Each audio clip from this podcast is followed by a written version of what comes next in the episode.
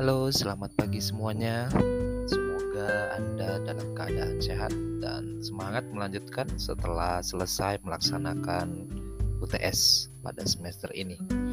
Baik, pada pagi ini eh, pada mata kuliah tentang karya ilmiah, teknik penulisan karya ilmiah, kita akan membahas ada tiga hal sebenarnya yang sebelumnya terlewatkan. Ada material and method, kemudian ada result and discussion, kemudian conclusion dan acknowledgement. Nah, untuk material and method ini sebenarnya ketika Anda melakukan uh, penelitian untuk melakukan penelitian maka Anda harus uh, mempelajari tentang metode penelitian itu sendiri untuk digunakan saat penelitian. Pada artikel karya ilmiah kali ini kita tidak akan melakukan sebuah hasil penelitian karena itu membutuhkan waktu lebih banyak. Jadi kita akan membuat dan menggunakan metode uh, dengan studi literasi yaitu pengumpulan data pustaka ataupun dengan proses membaca, menulis, kemudian dengan hasil atau mengelola uh, hasil penelitian dari jurnal atau proceeding yang ada. Jadi untuk metode penelitian ini, maka Anda bisa belajar secara khusus uh, melalui mata kuliah metodologi penelitian kuantitatif atau kualitatif.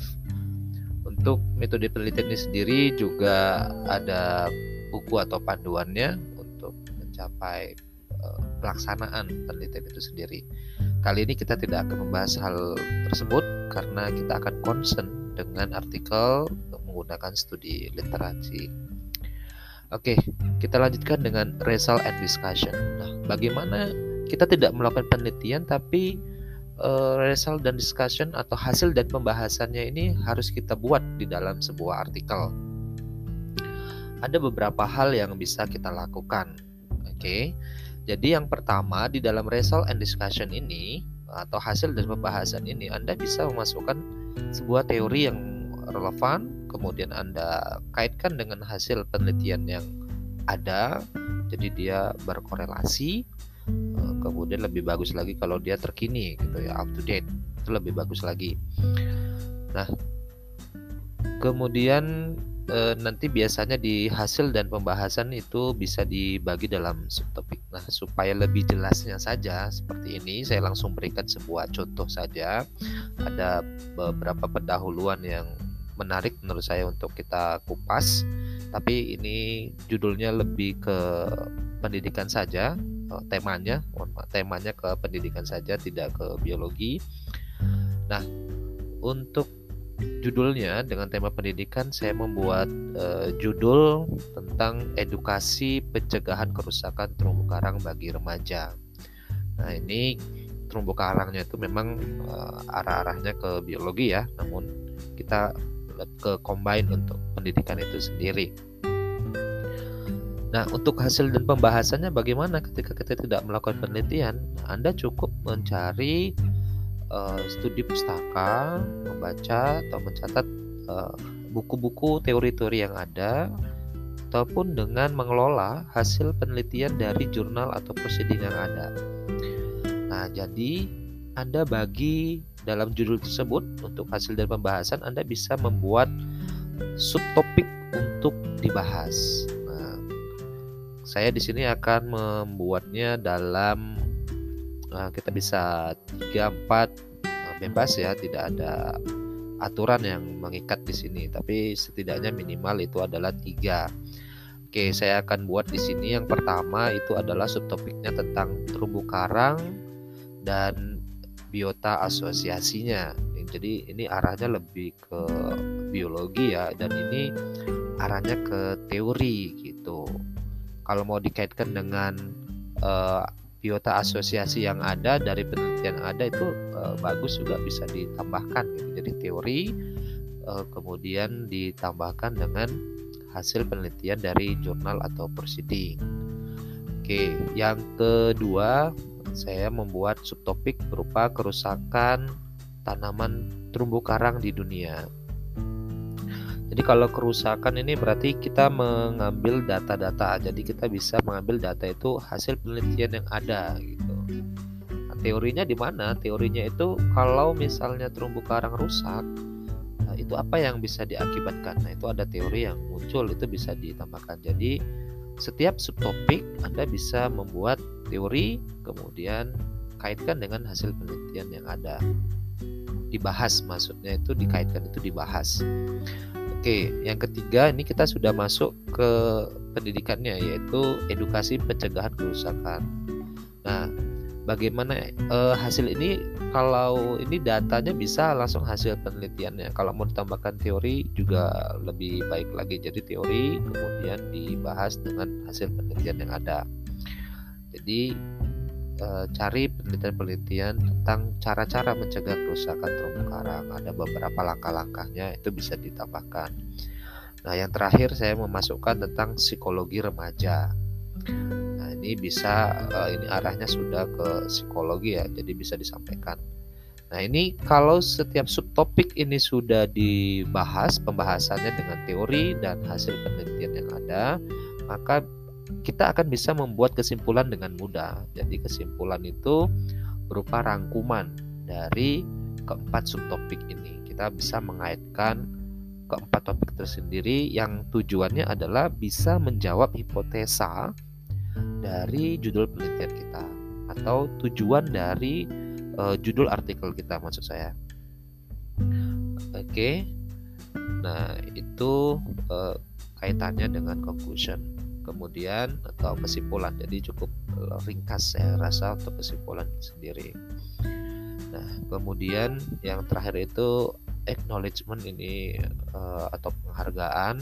Ini sebenarnya nggak usah kita buat ya. Ini tidak perlu kita buat. Ini biasanya kalau melakukan penelitian misalnya ada yang membantu penelitian kita atau ada yang mendanai penelitian kita itu kita bisa sebutkan Nah, karena ini adalah artikel studi literasi dan Anda melakukannya sendiri, saya rasa ini tidak perlu dibuat di dalam artikel Anda.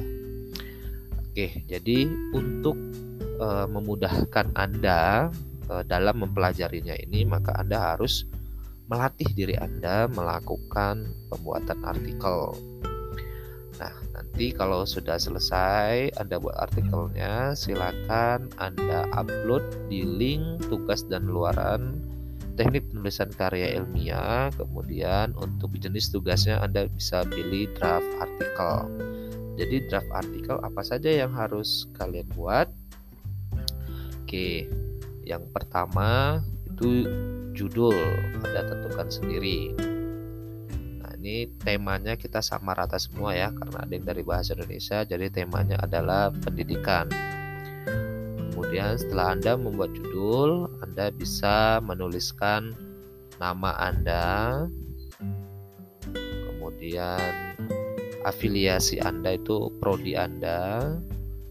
Oke baru selanjutnya Anda buat abstrak. Nah, abstraknya ini dalam bahasa Indonesia saja setelah Anda buat abstrak, kemudian Anda buat kata kunci. Kata kunci dari abstrak tersebut. Oke, ingat abstrak ini disusun setelah isi jurnal tersebut selesai. Ini hanya urutannya saja yang saya sampaikan di awal ya. Kata kuncinya bisa minimal adalah tiga kata kunci. Nah, setelah itu Anda membuat pendahuluan. Nah, pendahuluan ini digabungkan saja. Kalau yang anda buat pelatihan kemarin itu kan ada yang dipisah ada yang digabung ya. Nah ini digabungkan saja. Eh, yang penting di dalamnya itu terdapat latar belakang masalah. Nah, jadi masalahnya ini latar belakang masalah atau perumusan masalahnya itu juga masuk di sini saja. Kemudian selanjutnya adalah ini tujuan ya. Tujuan ini untuk uh, Anda kalau mau pakai hipotesa juga boleh. Jadi ini tujuan uh, dari uh, artikel Anda tersebut dari judul itu tersebut. Kemudian yang terakhir manfaatnya. Apa manfaatnya? Oke, nah ini satu paragraf saja cukup tujuan satu paragraf, manfaatnya satu paragraf. Untuk latar belakang masalahnya ya, ini bisa lebih banyak lagi gitu, empat paragraf misalnya lebih dari situ sangat bagus sekali. Kemudian ini perlu saya koreksi dari pendahuluan yang sudah saya periksa. itu beberapa tidak mencantumkan uh, sitasi ya atau kutipan dari sumber yang kalian ambil. Jadi walaupun di pendahuluan itu harus Anda cantumkan kalau misalnya Anda mengkutip dari sumber yang lain. Jadi eh, mohon buat kutipannya dan nanti di daftar pustakanya dicantumkan gitu. Oke, ini untuk menghindari plagiarisme. Nah, selanjutnya kalau sudah selesai itu Anda langsung saja masuk hasil dan pembahasan. Nah, hasil dan pembahasan ini Anda tentukan tiga uh, subtopik tadi ya, atau tiga jadi kan judulnya apa, kemudian Anda tentukan tiga topik yang akan Anda bahas. Nah, setiap topik ini masukkan teori, kemudian uh, masukkan hasil penelitian yang relevan. Di situlah Anda bahas. Kalau sudah selesai, Anda langsung saja buat kesimpulan. Kesimpulan ini hanya merangkum saja yang tujuannya bisa menjawab hipotesa dari judul artikel Anda. Kemudian yang terakhir adalah daftar pustaka. Oke, daftar pustaka untuk kali ini buat saja secara manual. Pekan depan kita akan membuat daftar pustaka secara digital. Pastikan pekan depan Anda mempersiapkan laptop untuk mempermudah Anda dalam menggunakan daftar pustaka secara digital atau otomatis nanti kita melakukannya. Oke, nah ini koreksi dari tugas Anda sebelumnya juga. Anda masih banyak dalam hal tulisannya ini uh, ya. Uh, jadi saya harap tapi kebaca juga yang sudah bagus dan sudah rapi. Jadi buatlah ini menggunakan huruf Times New Roman kemudian gunakan font 12 kemudian gunakan spasi 1,5 kemudian Anda gunakan rata kanan kiri. Kemudian untuk kertas Anda bisa gunakan A4 dengan uh, paragrafnya bisa apa garis tepinya ya. Itu 4 3 3 3 jadi 4 untuk sebelah kiri atas untuk kanan dan untuk bawah itu garis tepinya semua adalah 3 cm oke jadi e, lebih rapi gitu ya jadi yang di bold itu hanya yang seperti judul, pendahuluan, hasil dari pembahasan, kesimpulan, misalnya seperti itu contohnya. Jadi uh, tulisannya lebih tertata, lebih rapi. Itu harapan saya. Silakan Anda coba. Waktu Anda selama satu minggu, jadi cukup panjang untuk mengeksplor bagaimana Anda membuat sebuah draft artikel. Nah, ini adalah uh, dalam hal belajar, jadi silakan anda coba saja. Semakin banyak sumber yang Anda dapatkan itu semakin baik karena kita di sini studi literasi gitu ya. Jadi sebanyak-banyaknya dalam mensitasi dari hasil penelitian orang lain. Oke, saya rasa itu yang bisa saya sampaikan pada pagi hari ini. Pekan depan kita akan berjumpa secara tatap uh, maya melalui virtual meeting untuk membahas tentang daftar pustaka dan sekaligus saya akan koreksi uh, dari draft artikel yang Anda buat. Pastikan selama satu minggu Anda dapat menyelesaikannya dengan baik. Terima kasih, sampai jumpa.